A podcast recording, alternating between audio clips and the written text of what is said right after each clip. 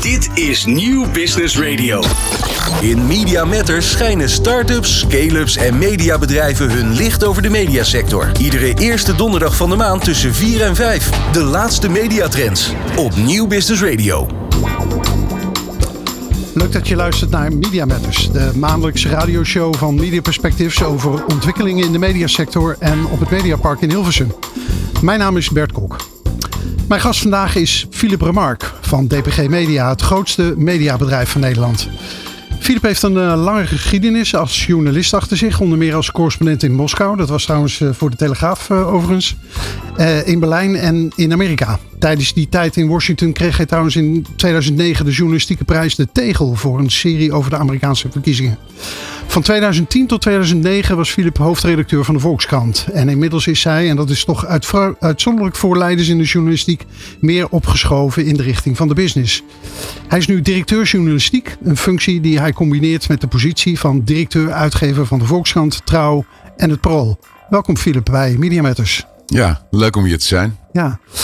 Uh, Philip, uh, ik zei het net al, hè, je bent uh, sinds 2019 directeur journalistiek van, van DPG Media. Wat, wat houdt die functie nou eigenlijk precies in? Ja, dat is natuurlijk een vage term, die heb ik zelf een beetje mogen invullen. Maar wat ik als hoofdredacteur erg merkte is dat, um, dat wij moeten overgaan allemaal naar uh, ja, een digitaal succes. Naast uh, het papieren succes dat we al waren.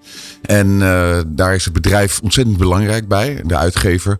Omdat die ook gaat over de appjes die je maakt. Over ja, de, de innovatie in het algemeen. En ik help als journalistiek directeur vooral uh, de redacties te innoveren en digitaler te worden. Mm -hmm. uh, we hebben een intern opleidingsinstituut, de campus. We hebben een redactie data team uh, dat steeds groter wordt en wordt ook steeds belangrijker. en een redactiesysteem. En met al die instrumenten en door coaching en, uh, ja, en, en ook workshops en, en brainstorms te organiseren uh, over uh, hoe je dingen moet doen, proberen wij ja, best practices van elkaar te leren en verder te komen. En, ja. en dat is heel belangrijk volgens mij uh, voor de toekomst van de journalistiek. Ik zeg ja. altijd, uh, op de schouders van onze generatie rust het om, uh, om de kwaliteitsjournalistiek het digitale tijdperk in te dragen. En dat gaat, ja, daar zijn we natuurlijk altijd mee bezig, maar dat, dat, dat kan nog altijd veel meer en beter. En het is ook een moving target. Dat je, ja, het mediagebruik van mensen verandert ook met de dag. Ja. Dus, dus dat is een heel dynamisch proces. Ja. ja, en daarnaast ben ik natuurlijk gewoon uitgever van die drie titels uit Amsterdam. Trouw, de Volkskrant en het Parool. Ja, nou je zegt gewoon uitgever. Ik kan me de tijd nog herinneren dat ieder van die titels een eigen uitgever hadden. Dat was een fulltime functie volgens mij. Ja, nou we zitten wel sinds uh, begin jaren zeventig samen in de perscombinatie. Hè, deze drie ik, titels. Dat weet ik. Ja. En, uh, en uh, we hebben, ja, ik had zelf uh, ook een uitgever, maar goed, het bedrijf groeit groter. Ja. En daarom kan de CEO niet, niet van ieder, voor iedereen de uitgeversfunctie zo precies vervullen. En, nee, en daar, daar ligt dat aan natuurlijk, dat ja. zo, zo, iemand nodig is. Ja, maar je bent dus niet, zou ik maar zeggen, de baas, of tenminste zo zie je jezelf niet, de, de baas van die drie hoofdredacteuren bijvoorbeeld van die drie kranten. Nee, zo werkt het natuurlijk niet, want redacties zijn onafhankelijk ja. en mogen zelf bepalen waar ze over schrijven. En dat is heel belangrijk voor de pluriformiteit. En ik, ik zeg altijd ook heel belangrijk voor de business. Want uh, uh, redacties hebben als het goed is voeling met hun lezers en uh, gebruikers en kijkers. En, en zitten daar dichtbij en hebben hun wortels in de samenleving en hun, en hun voelsprieten.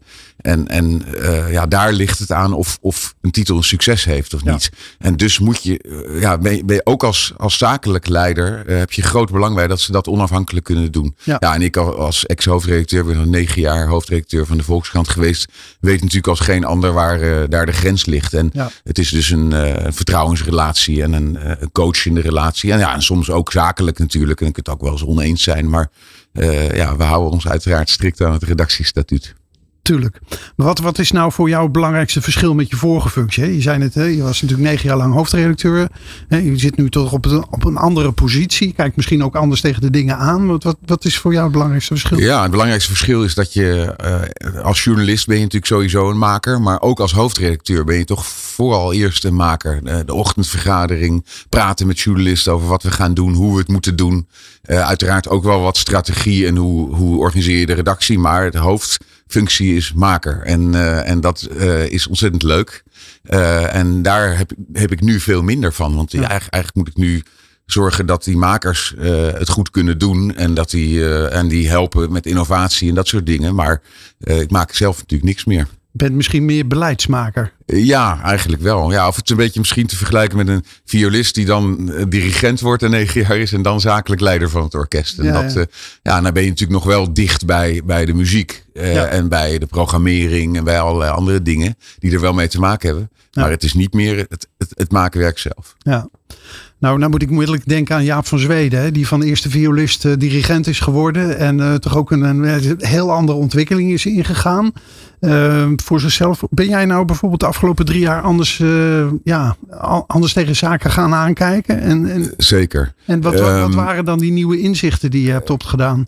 Nou, een van de dingen die uh, lastig is van het beroep van hoofdredacteur is dat je ontzettend veel dagelijkse dingen uh, aan je bureau krijgt. Hè? Dus, uh, en, en, en de journalistieke zaken die natuurlijk 24 uur doorlopen, maar ook personeelsdingen en, en dat soort beslissingen.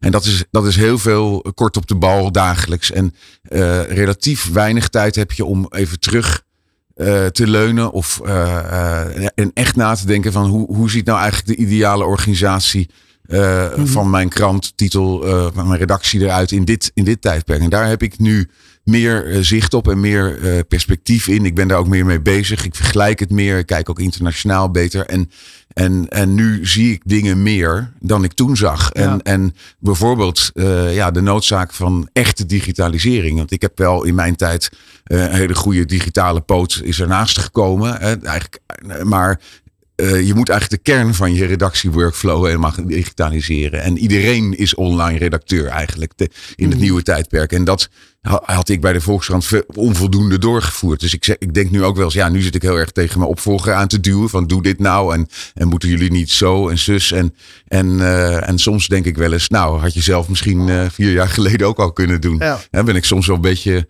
teleurgesteld in mezelf. Uh, ja. hoe, ik vroeger, hoe ik vroeger hoofdredacteur was. Maar goed, ik begrijp dus wel hoe die dingen gaan. En ja. je, daar moet ik ook bij helpen, vind ik, bij, bij dat perspectief. Je hebt in een uh, interview vorig jaar gezegd hè, over de maatschappelijke waarde van journalistiek. Van uh, het gaat mis als je hoofd voor 100% bij het maken van winst is. Voor, voor hoeveel procent uh, staat jouw eh, hoofd naar winst nu? Nou, de winst wordt steeds minder. Dus daar denk ik het liefst niet aan. Ehm, maar het is, nee, kijk, winst en, en, en verlies is, is, is een zaak waar, waar het hele bedrijf als het goed is aan bijdraagt. Maar er zijn maar een paar mensen die daar echt veel over nadenken. En uh, ik moet er vooral voor zorgen dat er goede journalistiek is, waardoor meer abonnementen worden verkocht en mensen geboeid zijn en uh, bereik stijgt en dat soort dingen. Dus, dus daar ben ik gewoon voornamelijk mee bezig. En wat ik met die uitspraak bedoelde was uh, dat een directie, ja, die heeft natuurlijk soms moeilijke beslissingen te nemen, waar, waarbij dingen tegen elkaar afgewogen worden. En, en ik denk dat in een mediabedrijf het altijd heel belangrijk is dat je uh, dat je heel erg aan de kant van de maker staat en, uh, en van het publiek. En dat je, dat je heel erg gevoel hebt voor uh, wat is nou belangrijk om te maken en waarmee bedien je je publiek het beste.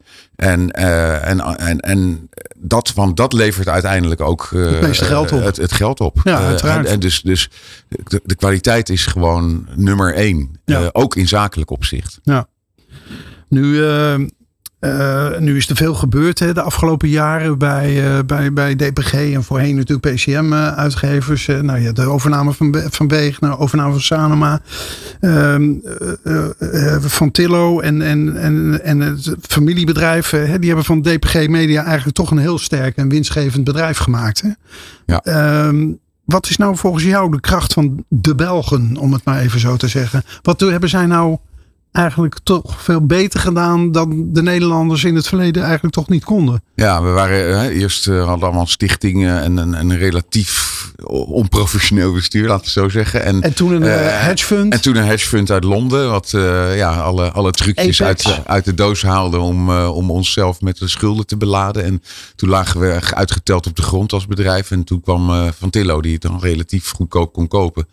Uh, en uh, ja, wat wij hebben ervaren is een combinatie uh, van hele sterke focus op creativiteit van de makers. Ondernemerschap dat daarin gestimuleerd wordt. Uh, en zijn zelf ook heel erg ondernemers.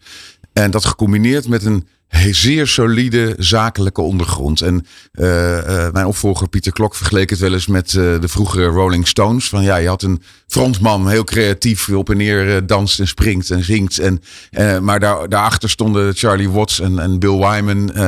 als, de, met, als de basis. Ja, met de, de drum en bas als een hele solide basis, waardoor het rokt. En, en, ja, die, en die combinatie is gewoon heel sterk. En, en dat zie je overigens ook bij het, bij het andere Belgische bedrijf dat groot is in Nederland, de Mediahuis. ja. ja, dus het is wel heel grappig dat twee familiebedrijven in feite. Uh, en en het, het, het goede van een familiebedrijf is dat je dat die zitten er voor de lange termijn in. Ze hebben een soort charter in die familie dat ze er altijd in zullen blijven. En, en dat betekent dat je niet uh, hoeft te optimaliseren op heel korte termijn. Dat ze ook wel eens kunnen investeren. Uh, Q Music uh, was een groot succes in België. Dat heeft Van Tillo uitgevonden.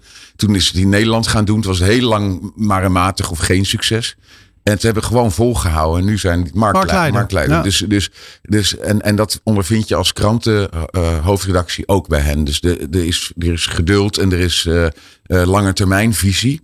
En dat is, dat is wel echt een voordeel van een familiebedrijf. Het, het, het voelt altijd uh, soms wat moeilijk uh, voor critici. Ja, dat is natuurlijk familie die daar ook uh, rijk van wordt en zo. Maar ja, er gaat er gaat minder winst uh, uh, naar de aandeelhouders in zo'n soort bedrijf. Het gaat me meeste gaat terug in het bedrijf in uitbreiding of investering in de bestaande bezittingen. En, uh, en het is langer termijn. Dat zijn de voordelen ervan. Ja. In Media Matters schijnen start-ups, scale-ups en mediabedrijven hun licht over de mediasector. Iedere eerste donderdag van de maand tussen 4 en 5. De laatste mediatrends op Nieuw Business Radio. Welkom terug bij Media Matters. Mijn gast is Philip Remark, directeur journalistiek van DPG Media. Philip, uh, Media Perspectives heeft een aantal jaren geleden het initiatief genomen voor de industrietafel. Het uh, overleg van 15 CEO's van de grote mediabedrijven. En uh, dat overleg heeft nu geresulteerd in een gezamenlijke innovatieagenda die in oktober is uh, ge gepresenteerd. Belangrijk punt daarin is de ontwikkeling van een persoonlijke datakluis, waarin de vijf grote mediaconcerns, waaronder ook DPG Media aan werken. Hoe kijk jij nou vanuit jouw rol aan tegen die, tegen die datakluis? Want dat heeft toch ook, denk ik, straks voor content wel implicaties. Ja, nou, dat, dat zie ik als iets heel positiefs. Omdat, uh, kijk, we, hebben een rare Um, um, ja, het schuurt een beetje. Want uh, ten eerste uh, hebben wij data nodig van onze gebruikers om onze eigen producten beter te maken. Om te kijken wat er veel gelezen wordt, hoe het gebruikt wordt, al dat soort dingen.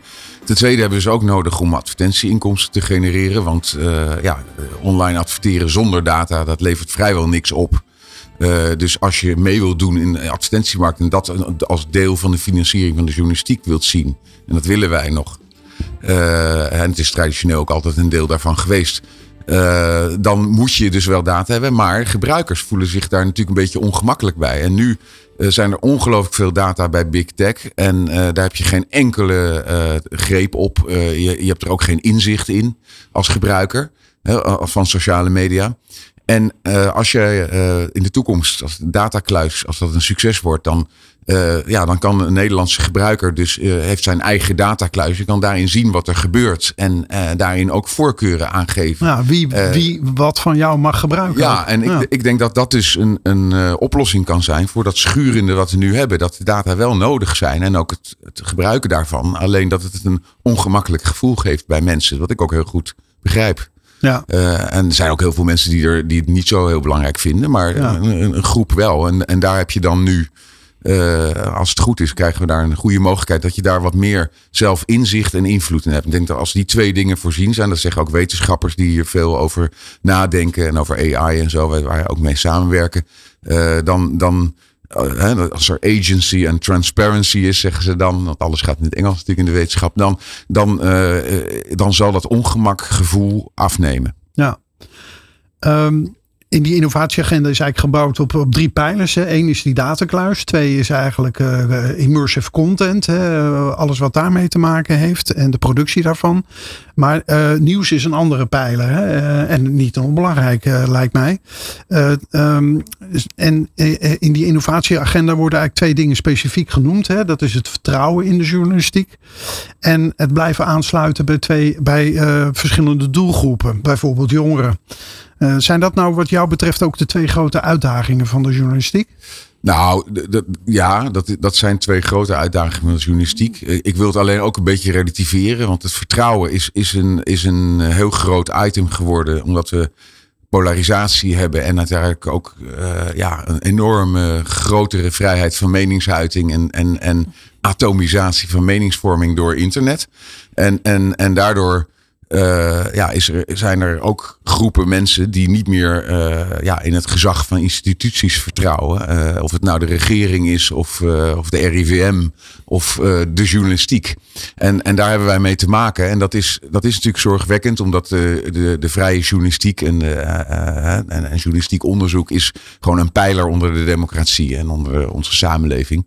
Dus, dus wil je niet dat dat verder groeit. Maar tegelijkertijd hebben we gezien tijdens corona, toen eigenlijk die polarisatie op zijn hoogtepunt kwam en ook het wantrouwen, dat er ook uh, ongelooflijke bereiksrecords werden, uh, werden gehaald door alle media, alle serieuze nieuwsmedia. En uh, ook in de abonnementverkoop. Hè? Want uh, ja, ja. Wij, wij hebben ongelooflijke stijging van abonnementen gehad. En uh, echt een recordtijd in coronatijd. dus, dus je zag dat mensen ook teruggrepen op echte journalistiek. Uh, echte redacties die tijd hebben om dingen uit te zoeken. Om met gezag te zeggen, nou, dit is wel goed, dat is niet goed. Of dit is wel waar en dat is niet waar. Dus, dus, te, dus tegelijk met de polarisatie komt er, een, komt er ook een grote golf van vertrouwen in, in de journalistiek. En ook uh, inzicht dat het nuttig is en nodig voor jou om, om werk van echte journalisten tot je te nemen. Dus ik, ik vond het ook eigenlijk een enorme boost voor onze zelfvertrouwen. Maar uh, het is wel waar dat, dat, dat we via uh, onderwijs en, en, en, en door zelf dingen anders te doen, wij wel dat wantrouwen moeten aanspreken. We moeten, in, we moeten in discussie gaan met mensen. We moeten mensen laten zien hoe we werken. Uh, en, en, en waarom uh, journalistiek op die manier gemaakt wel te vertrouwen is. Ja. Daar, daar, hebben we niet genoeg aan gedaan nog, vind ik. En, en dat andere punt, als het gaat om het uh, aan, blijven aansluiten bij verschillende doelgroepen. En dan denk ik toch met name aan jongeren. Uh, ik, werk zelf op school voor journalistiek en geef les aan uh, 18, 19-jarigen die net van de, van de HAVO komen, zal ik maar zeggen. En ik schrik toch nog wel eens een klein beetje van hun mediagebruik, als ik eerlijk ben. Ja, dat uh, kan ik me heel goed voorstellen. En dat uh, iedereen die kinderen heeft, die herkent dat natuurlijk. En, maar.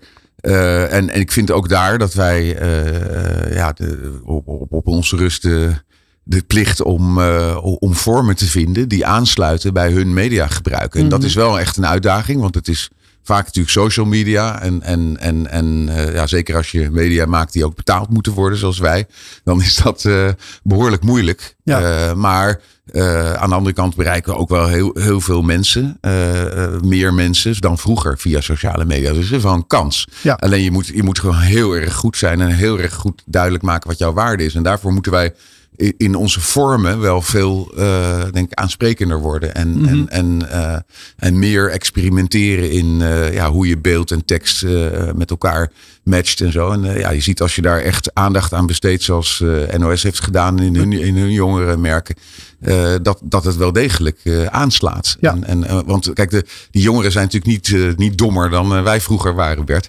En misschien wel slimmer. Dus, misschien wel dus, slimmer. En ook best geïnteresseerd, merk ik altijd. Dus, dus uh, ja, dan vind ik ook aan ons om, uh, om, om, toegang, uh, om toegankelijk te zijn voor. Absoluut. Je, je zit nu in een werkgroep hè, samen met spelers als RTL, Talpa, NPO en NOS, die de pijlen nieuws uit de innovatieagenda verder moeten uitwerken. consensus lijkt er wel zijn over de uitdagingen, maar zie je die ook ontstaan over de oplossingsrichting? Ja, nou, we hebben wel een goed gesprek gehad vorige week. En daar werd, ja, hebben we veel gepraat over het, het, ontmaskeren van fake nieuws en fake beelden. Wat toch al wel een, een heel groot ding is online. En, en waar je in gezamenlijkheid ja, faciliteiten voor zou kunnen beschikbaar stellen uh, om, uh, om dat beter mogelijk te maken. En, en je bedoelt dat, aan redacties bijvoorbeeld tools voor ja, of, uh, ja, ja, ja, tooling voor redacties of, of, of bijvoorbeeld een, een, een, een centraal instituut dat dingen. Hè, er zijn natuurlijk al een aantal centrale initiatieven die, die zich hierop richten in Leiden, mm -hmm. onder andere. En, en en die zou je ook kunnen versterken. En, en dat, daar, ja, daar heeft iedereen iets aan. En de samenleving. En dus, dus dat is, dat is één tak. En het andere is ja, misschien onderwijs versterken. Hè. Dus wij doen natuurlijk al dingen met krant in de klas. En ANP is nu ook een initiatief begonnen. Nou, Use the News. Ja, Use the News. En dat is naar een Duits voorbeeld. maar dit kan allemaal nog veel intensiever. En ik denk ook dat, dat de overheid daar iets aan kan doen door het de maatschappijleer is, is wel verplicht, maar daar, zou het, daar moet het natuurlijk een onderdeel van zijn. En dat gebeurt nu ook wel hoor. Mediawijsheid uh, wordt wel al gegeven op scholen. Ja. Maar daar kan je goed, uh, en daar leer je leerlingen om zelf te onderscheiden wanneer iets echt goed redactioneel is uitgezocht. Of wanneer het een gerucht is uh, dat wordt gekopieerd op sociale media. Je noemde net uh, bijvoorbeeld al data. Hè? Er is best wel veel data beschikbaar, ook bij jullie, over het uh, gebruik van jullie content. Uh, daar hebben jullie ook allemaal tools voor. Ehm, Smart Doctor is er bijvoorbeeld eentje van. Hè? Um, Zie je daar bijvoorbeeld ook nog een oplossingsrichting? Dat je, dat je bijvoorbeeld ook ja, meer die data nog meer dan nu het geval is, data gebruikt om beter aan te sluiten bij de belevingswereld van, uh, van de consument, om het maar zo te zeggen. Ja, nou dat, dat is een groot punt. Ik heb als hoofdredacteur altijd gezegd, je moet je in de lezer verplaatsen. En toen, ja, toen deden we alles nog op buikgevoel. Ja. Voor, en en, en alleen de online redactie zag wat cijfers. we waren daar toch wel ver weg van Daan als, als, als redactie.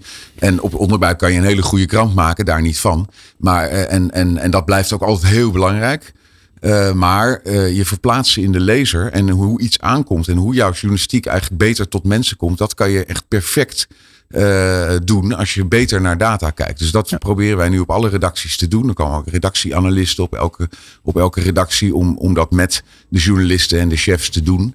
Uh, om te kijken, ja, wat wij belangrijk vinden, uh, wordt dat wel gebruikt? En als je het in deze vorm of een andere timing doet, dan wordt het misschien beter, uh, komt het ja. beter tot de mensen. Ja, dat is voor iedere journalist ook fijn, want dan komt zijn journalistiek tot meer mensen. Maar goed, het is ook, het is ook wel opeens inzicht in iets waar je vroeger geen inzicht in had. En dat was ook wel heel lekker vroeger dat je dan je stukje opstuurde en dan een biertje opentrok of zo. En dacht, dacht ja, morgen word ik door 300.000 mensen gelezen. Dat was ook niet waar toen, maar dat kon je wel denken. En nu zie je de echte cijfers. En ja. dat, uh, dat, is natuurlijk toch wel soms uh, wat, uh, wat minder kleur luisterrijk. Maar ik, ik denk dat je dus zo beter naar, en dat is natuurlijk, ja, de digitale revolutie is vooral een de klant was koning, maar hij is nu keizer, admiraal en alles.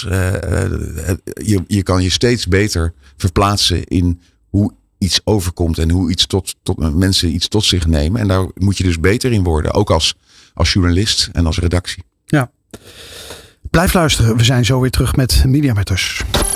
In Media Matters schijnen start-ups, scale-ups en mediabedrijven hun licht over de mediasector. Iedere eerste donderdag van de maand tussen 4 en 5. De laatste mediatrends op Nieuw Business Radio. Je luistert nog steeds naar Media Matters. Mijn gast is Philip Remark, directeur journalistiek van DPG Media. Filip, uh, als het uh, gaat over uh, innovatie, um, is technologie de laatste jaren toch wel de belangrijkste drijvende kracht geweest. is, vind jij niet dat de journalistiek daar een beetje bij is achtergebleven? Nou ja, wel als je het vergelijkt misschien met, met Silicon Valley in Californië. Uh, maar ja, goed, daar hebben ze natuurlijk ook gewoon duizenden developers op één appje zitten. En uh, dat kunnen wij niet, zelfs ook al zijn wij als grootste mediabedrijf in Nederland, kunnen we dat toch niet matchen. Uh, dus, dus je ziet inderdaad dat in vertelvormen.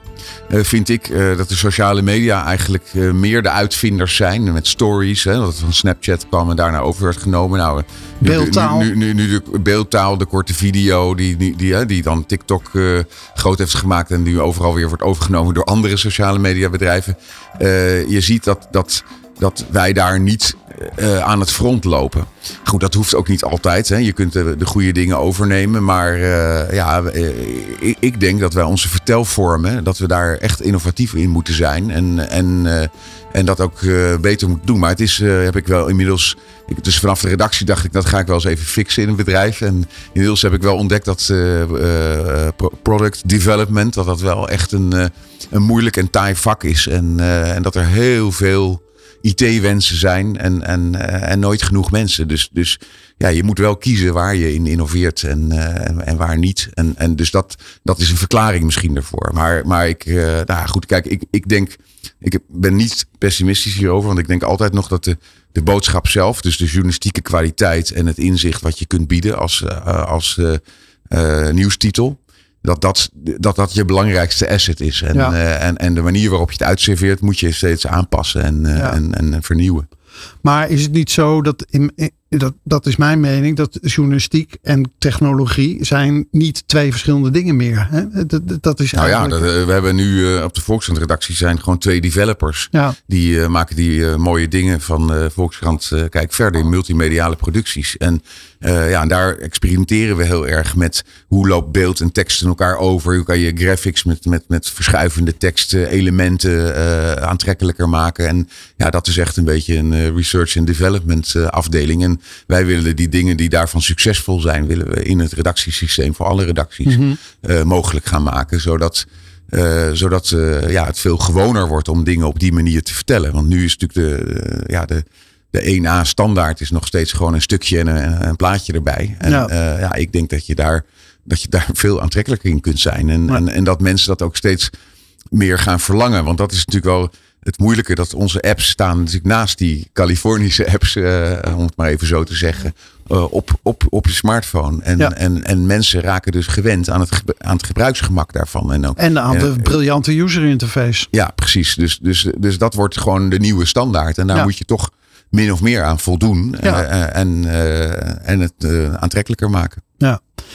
Vind je eigenlijk dat, dat journalisten voldoende betrokken zijn bij de strategische beslissingen van mediabedrijven? Ik bedoel, eh, ja, welke kant gaan we nou precies op als, als, bedrijven? Waarin gaan we nou investeren? Zouden de journalisten daar niet meer ook aan tafel moeten zitten? Of die positie misschien afdwingen? Nou, dat, dat, dat vond ik wel toen ik hoofdredacteur was. En, Dat vind je nu eh, niet meer? Nou ja, eh, en nu, ja, nu vind ik dat ik het moet beslissen. Nee, eh, ik, ik, ik, wij praten daar wel veel over. Ook met, eh, met de hoofdredacties en ook wel met eh, online chefs en zo. Dus journalisten die zeer hierin geïnteresseerd zijn.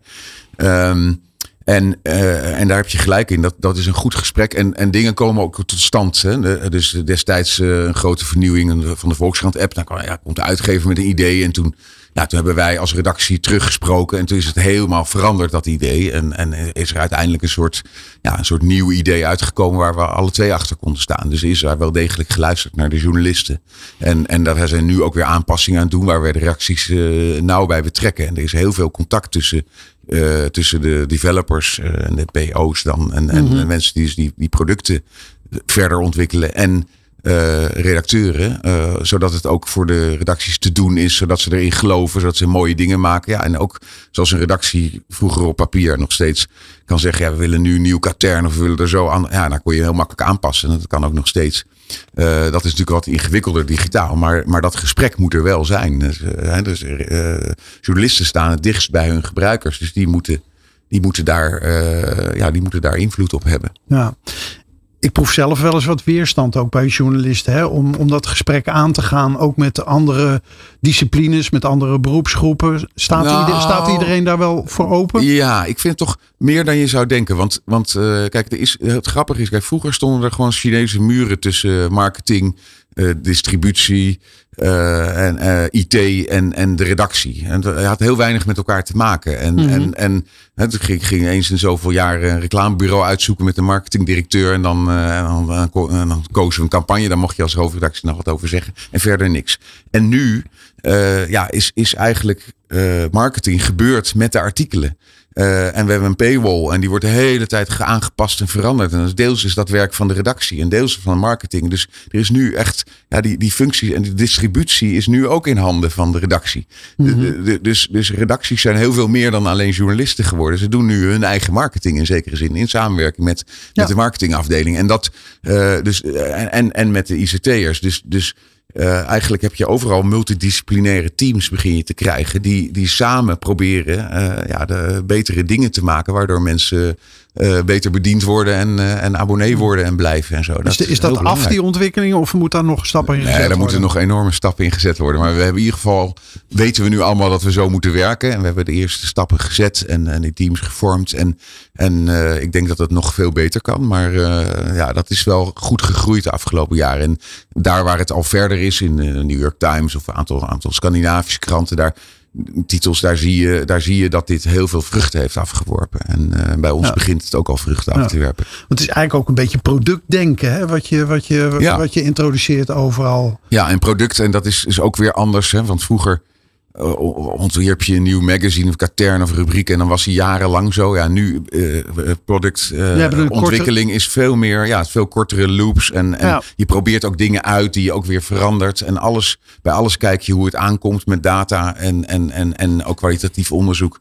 Wat, wat vindt de gebruiker ervan en wat doet de gebruiker ermee en dan pas je het ook weer aan. Je moet ook heel erg durven mislukken uh, eigenlijk in productontwikkeling en dus ook in journalistieke productontwikkeling en ook in in hoe digitale journalistiek. Je moet allemaal vormen uitproberen. En ja. ook helemaal niet erg als het mislukt, heb je weer wat geleerd. Ja. En dat is wel, dat is ook echt een nieuwe manier van denken. Voor, ook voor het bedrijf en de bedrijfstop is dat een nieuwe manier van denken. Als ik toch vroeger altijd dacht van ja, ik, ik, zoiets als je een gebouw, jij ontwerpt het en dan ga je een paar jaar bouwen en dan is het af. En ja, zo, zo werkt dat natuurlijk totaal niet meer. Nee, nee. Al, alles is eigenlijk een live organisme waar de hele tijd incrementele verbeteringen aan ja. moeten worden aangebracht. Nou, het is wel grappig dat je dat zegt. Ik heb een tijdje in Silicon Valley gewoond en daar was ook uh, het adagium van als je niet een mislukking, een paar mislukkingen op je cv hebt staan, dat kan niet. Ja. Uh, dus uh, terwijl dat is heel on-Nederlands, want als ik in Nederland altijd cv's van mensen zie, dan zie ik altijd het ene succes naar het andere succes. Ja. Dan denk ik van nou, dat, dat kan niet waar zijn. Nee, je, leert, je leert daar alles. Hè? Dus een mislukking is niet erg, want je hebt iets geleerd. Dat, Ja. dat, dat moet een mindset zijn. Failure is a lesson learned. Ja, maar het is eigenlijk een beetje, dat is een start-up mindset. En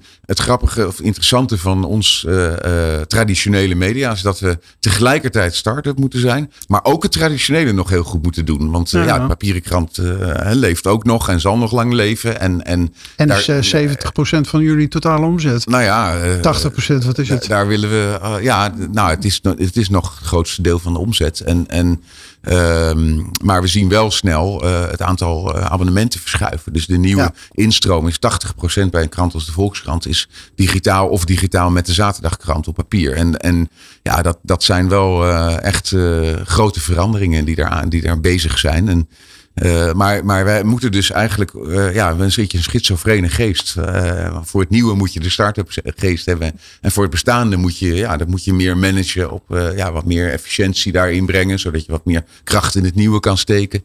Ja. en, het toch, en toch ook een heel goed product blijven maken. Ja.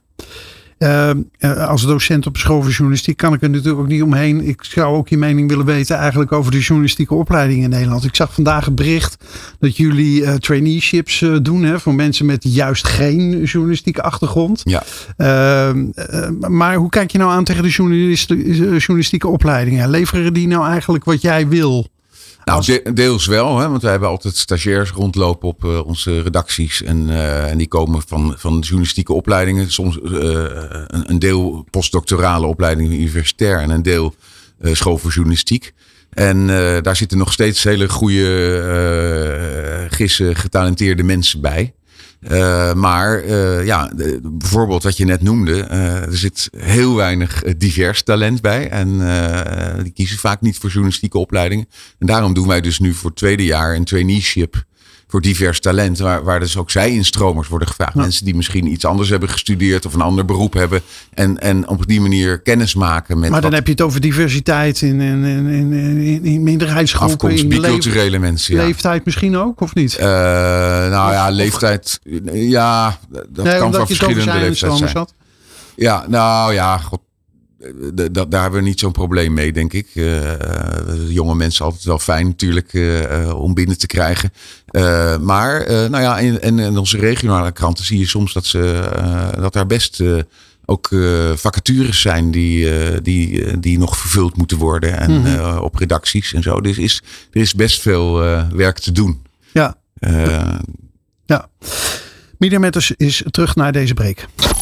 In Media Matters schijnen start-ups, scale-ups en mediabedrijven hun licht over de mediasector. Iedere eerste donderdag van de maand tussen 4 en 5. De laatste mediatrends op Nieuw Business Radio. Welkom terug bij Media Matters. Mijn gast is Philip Remark, directeur journalistiek van DPG Media. Philip, wat zijn nou eigenlijk wat jou betreft de belangrijkste ontwikkelingen in de media op dit moment? Nou, ik denk een hele belangrijke ontwikkeling is, uh, ja, uh, zal ik het atomisering noemen. Mensen uh, kunnen steeds meer dingen van hun gading krijgen, heel precies afgestemd op, op, op wat je zelf wilt. Je hebt precies jouw belangstelling. Personalisatie is volkomen inge, ingeburgerd natuurlijk in het sociale media gebruik. En, en, en Uh, dat is natuurlijk echt een hele andere wereld dan waar media vroeger in zaten. Waar ze one size fits all maakten. Uh, dat hoeft niet erg te zijn, maar je moet dus uh, als redactie tegenwoordig op een heleboel verschillende kanalen, op een heleboel vormen moet je, moet je je journalistiek brengen. misschien toegespitst op, op een bepaalde doelgroep of een subdoelgroep of een, een niche doelgroep. En misschien moet je die wel met een eigen nieuwsbrief. Je moet gezichten plakken op je journalistiek gezag in dat soort, in dat soort onderwerpen. En, ja, en dat is eigenlijk een heel ander soort spel dan we, dan we vroeger speelden. En, Mhm. en, en, uh, en dat, dat moet de redactie zich eigen maken. Dus dat is interessant. Ja, en dan zie je de grote uh, gang naar sociale media, waardoor ja, waar wij. Uh, het bezoek vandaan moet. Het zijn een soort frenemies. Hè? Er zijn zowel vriend in, in het bereik die ze geven, maar, maar, maar, een enemy in zin dat ze concurrenten zijn. En uh, en, en daar moeten wij uh, ja, ook een vorm voor vinden om, om, om mensen daar vandaan naar ons toe te krijgen. En uh, je ziet vertelvormen waar we het net over hadden, die, die zijn gewoon heel ingrijpend en snel aan het veranderen. Met meer beeld en, en, en ja, meer gemak. Terwijl wij toch willen proberen die goede journalistieke inhoud over te krijgen. En je moet daar ook niet in overdrijven. We hebben natuurlijk een tijdje gedacht, alles wordt video. ja, en als je nu nu.nl vergelijkt met zes jaar geleden, was video veel groter. En de geschreven woord blijft toch een super efficiënte manier om, om ook hele diepe gelaagde gedachten en, en dingen over te brengen. Dus ik, ik geloof ook zeer in de kracht van het woord. Maar ja, we moeten, ik denk wel dat vormen heel snel zich aanpassen en dat je daar dus meer, meer aan moet doen. Maar wel dat één ding overeind blijft staan, dat, dat kwaliteit loont. En dat zagen we dus heel erg in die, in die abonnementenpiek in, in coronatijd. Uh, en je zult het nu ook belang zien. En je ziet ook goede titels all, all over the world die, uh, die het goed doen. Die echt goede journalistiek leveren. En uh, ja. value for money, ook in het digitale ja. tijdperk. Het digitaal leven is gewoon een soort nieuwe openbare ruimte geworden. En daar komen gewoon winkeltjes aan. Ja. En in die winkeltjes geldt gewoon weer... als je iets goeds levert, dan betalen de mensen ervoor. En, dan, en dan willen ze het hebben. En als je iets niet goeds levert... of, of het is te moeilijk, of het is niet lekker genoeg... of het is onbegrijpelijk, of het is niet toegesneden op wat jij precies wilt... of het heeft geen kwaliteit. Het is te oppervlakkig. Dan, ja, dan, dan niet. Uh, nee. Dus, dus uh, it better be good. En dat is, ja, dat is nou net wel ook ons vak. Dus, ja. dus ik vind dat helemaal niet zo slecht voor de journalistiek.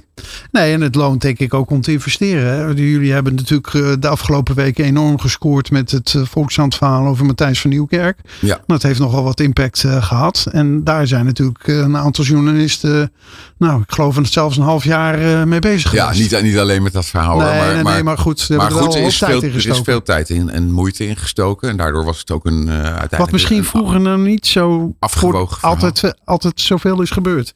Nou, ja, wij denken tegenwoordig ook denken van ja, als dit echt een groot ding wordt, dan moet het ook echt heel, heel erg goed doorgeakkerd zijn. Alles moet erin zitten, moet iedereen gesproken hebben en geen haastwerk hier. Uh, het was ook natuurlijk een gevoelige materie en ook ja, met veel implicaties voor uh, personen. Dus, dus je, je moet dan super goed en zorgvuldig uh, zijn. En, en dat loont inderdaad. Uh, dus, dus onderzoeksjournalistiek. En zie je ook over het algemeen. Als ik denk als je onderzoeksjournalistiek nu vergelijkt met die van uh, eind, eind van vorige eeuw of zo, in de jaren negentig.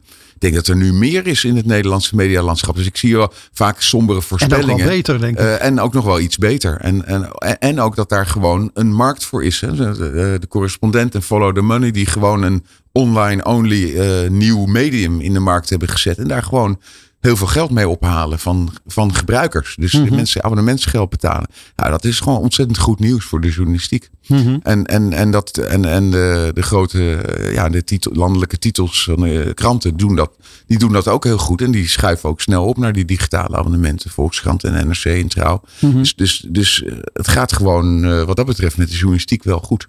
Ja, wat, wat zie je de komende jaren nog gebeuren? Nou is het altijd moeilijk hè, om in deze tijd uh, jaren vooruit te kijken. Maar als je nou eens twee, drie jaar vooruit kijkt, wat zie je dan nog gebeuren op het, bijvoorbeeld op het gebied van nieuws?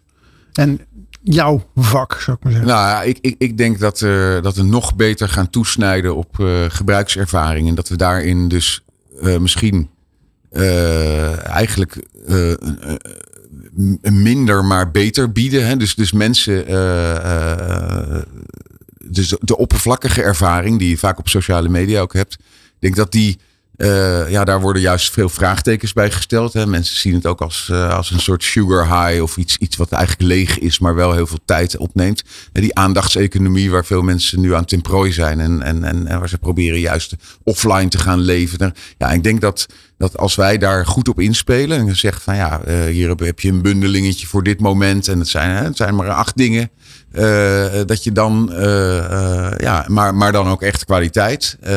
en denk, ik denk dat dat, dat dat steeds belangrijker wordt. Dat je, mm -hmm. Dus je ook de curatiefunctie van de, van de redactie en van de journalistiek, ja, die ook traditioneel altijd is geweest natuurlijk, maar die, die, die wordt nog belangrijker. En, en, en ja, dus, dus meer soortelijk gewicht, meer waarde leveren voor, voor de tijd die mensen erin steken. Ja. Dat belangrijk is. Hoe kijk je aan tegen de, de, de ontwikkelingen in print? We hadden het net al even over. Je zei net al van, nou, bij de Volkskrant bijvoorbeeld komt 80% van de nieuwe abonnees. Dat is, dat, die zijn al uh, digitaal komen binnen. Toch is print nog steeds het fundament hè, van, van DPG Media. Um, Wanneer denk je dat het kantelpunt komt richting, uh, richting digitaal? Nou, een van de fundamenten. Uh, en, het, en het, is, het, is, het kantelpunt is al lang, uh, al lang achter de rug. we, zijn, we, we, maken gewoon mee dat, dat maar ook print daalt met, met een procent of vijf per jaar. En, en, maar ik en bedoelde eigenlijk meer qua, qua inkomsten. Ja. Dus het, het, het financiële fundament. Nou ja, kijk, je hebt je hebt uh, het financiële fundament, uh, het, neemt langzaam af, print, waardoor wij uh, eigenlijk een heel gezond financieel fundament kunnen houden. gelukkig gaat het gewoon niet zo snel. Uh, en ik denk ook dat print op een bepaalde manier uh, ja, nog heel lang zal overleven. Omdat het ook een hele bijzondere gebruikservaring is. Ik vergelijk dat met de bioscoop. He, er is sinds 1950 televisie, 1970 videorecorder. Nu hebben mensen grote schermen en streaming. En nog steeds zit de bioscoop vol. Waarom is dat? Het is nergens voor nodig. Maar het is nog een speciale ervaring. Ergens naartoe gaan, samen in een donkere zaal zitten enzovoort. En het is ook wat, wat aangenamer geworden. Ik kan tegenwoordig mijn benen kwijt in de bioscoop. En dat kon vroeger niet. Dus, dus en, en met print is het net zo. Het blijft toch nog een, een, een, luxe ervaring. En zeker op zaterdag zie je dat nog heel populair is. Dus, dus, dus dat zal nog lang bestaan. Dus het neemt langzaam af. En, en, ja, en dan moet je dus je inkomstenbalans moet je, uh, ook naar digitaal draaien. En digitale abonnementen leveren niet zoveel op als printabonnementen. We moeten wel uiteraard het printapparaat en distributie in, in stand houden. Dus, dus dat, is, dat is eigenlijk de grote bedrijfskundige uitdaging van de komende jaren. Uh, en daar zitten we middenin en daar denken we natuurlijk heel erg over na. Maar het gaat wel heel goed met de digitale abonnementenverkoop. En dat is, dat is eigenlijk, uh, ja, onze, uh, dat maakt ons optimistisch. En denk van ja, het kan dus. Alleen je moet, uh, je moet zorgen dat je daar de waarde omhoog krijgt. Zodat mensen misschien nog iets meer voor kunnen betalen. en, en je moet zorgen dat je je kostenstructuur zo wordt dat, dat, dat je ook zonder print kan overleven uiteindelijk. Maar goed, ja. dat is nog redelijk ver achter de horizon. Dus we hebben de tijd ja. om dit uit te vinden. Um, waar zit DPG nu eigenlijk in voor uh, op, uh, op de komende jaren? Met name als het gaat om de journalistiek. Wat, wat zijn nou jullie speerpunten voor de, komende, voor de komende jaren? Je noemde natuurlijk al kwaliteit. Nou, ik denk kwaliteit en uh, gerichtheid op uh, de gebruiker. En, en dat, dat moet op, op alle niveaus van het bedrijf. Hè. In, in, bij de directie, bij, de, bij marketing, bij uh, productontwikkeling en, en bij de journalistiek. Uh, toch veel dichter komen te staan en, en, en uh, mensen beter bedienen met wat wij belangrijk vinden. En, en, en, en dat goed op elkaar afstemmen. En dan, uh, en dan krijg je, als het goed is, een hele goede combinatie waar, waar, je, waar je echt goede kwaliteit kan leveren, maar, maar ook echt mensen mee bereikt. Nog meer dan nu het geval is. Ik denk dat we daar nog veel beter in kunnen worden. Ja. Gaat het dan ook om de selectie van de onderwerpen eigenlijk? Want we hebben het natuurlijk een paar keer gehad nu over de ervaring. Hè, en en uh, hoe, hoe, komt het bij mensen over? De, de, de user interface. Maar uh, ik kan me ook voorstellen dat data misschien ook leidend zouden kunnen zijn in de, in de onderwerpen die je selecteert. Ja, leidend uh, willen wij niet zeggen. Data zijn dienend. ze geven je aan wat goed scoort en wat, wat minder goed scoort en welke vorm. Of waar behoefte uh, aan is. Nou ja, waar behoefte aan is, ja. Maar ik, ik denk dat, hè, dus, dus wat je bijvoorbeeld uh, hebt gezien, uh, en dat zie je wereldwijd gebeuren, is dat onderwerpen waar journalisten vroeger toch een klein beetje hun neus voor op, ophaalden, van, die gaan over het leven zelf. Uh, uh, news you can use. Of hè, van hoe doe je dit? Hoe, hoe kan je het beste je huis isoleren? Hoe kan je, wat is nou... Servicejournalistiek. Ja, servicejournalistiek kan je het noemen. en, En ik was ooit in, bij Dagens Nyheter, een soort NRC of Volkskrant van Zweden. En, en, die zeiden, ja, wij ontdekten dat zodra we naar data gingen kijken, dat hebben ze al, al acht jaar geleden. En, en, toen, en, en toen zei ik tegen de redactie, ja, dan gaan wij dus ook doen, maar dan op een Dagens Nyheter manier. En dat is precies wat je bij de New York Times, Smart Living, NRC doet er veel aan, Volkskrant doet er nu ook veel aan en, en ook uh, AD en, en, en, en dat soort titels, onze Belgische titels. En ja, dat scoort enorm goed en je kan dat ook zo ingewikkeld en, en interessant en intellectueel maken als je zelf wilt. Hè. Dus uh, service op heel veel niveaus, ook uh, psychologisch advies of levensadvies. Ja, daar, mensen zijn niet alleen een geest die in, in, in politiek en economie geïnteresseerd zijn. Nee, die zijn in heel, heel breed, zijn mm -hmm. mensen ook. En die hebben dus heel veel raakpunten. En die hebben zelf ook een leven. Ja. En, en, daar, en daar kun je ze bij helpen. En, en dat is zo'n voorbeeld dat data ons echt hebben ingegeven. En daar moeten we gewoon meer aan doen. En dat moeten we beter doen. Uh, ja, en, en, en, en dat vind ik een heel gunstige beïnvloeding. Want je luistert toch meer naar je publiek. Mm -hmm. uh, maar, uh, kijk, je zult ook wel eens een reconstructie van van totstandkoming van een college van BMW dat het misschien niet zo heel grote uh, klikhit is. Nou, dat zal een regionale krant altijd blijven doen, omdat het ook gewoon de raison d'être is. En, en dat vind ik ook heel belangrijk. Dat je journalistieke missie, die mag je niet uit het oog verliezen. En, en, en die moet altijd afgewogen worden. En, en ook je, je creativiteit en je journalistieke instinct. Dus daarom zeggen wij data zijn een hulpmiddel. En zijn niet leidend uiteindelijk. Want dan, uh, als er alleen maar u vraagt, wij draaien. Dan haal je een heel kern van wat, wat een redactie ook moet zijn. Een creatief orgaan dat mensen ook iets vertelt wat ze nog niet wisten. En waarvan ze niet eens wisten dat ze er belangstelling voor zouden krijgen. Dat moet je ook kunnen. Uh, ja. En dat is ook altijd onze functie geweest. Dat lijkt me een mooie afsluiting, Filip. Uh, we zijn aan het uh, eind gekomen van deze aflevering van uh, Media Matters. Mijn gast was Filip Remark, directeur journalistiek van DPG Media. Leuk dat je in de studio was, dankjewel. Um, we houden uh, Media Matters houdt even een korte winterstop. Dus de volgende uitzending van Media Matters is op donderdag 2 februari. Reacties zijn altijd welkom. Stuur die naar bert.mediaperspectives.nl Bedankt voor het luisteren en tot de volgende keer. In Media Matters schijnen start-ups, scale-ups en mediabedrijven hun licht over de mediasector. Iedere eerste donderdag van de maand tussen 4 en 5. De laatste mediatrends op Nieuw Business Radio.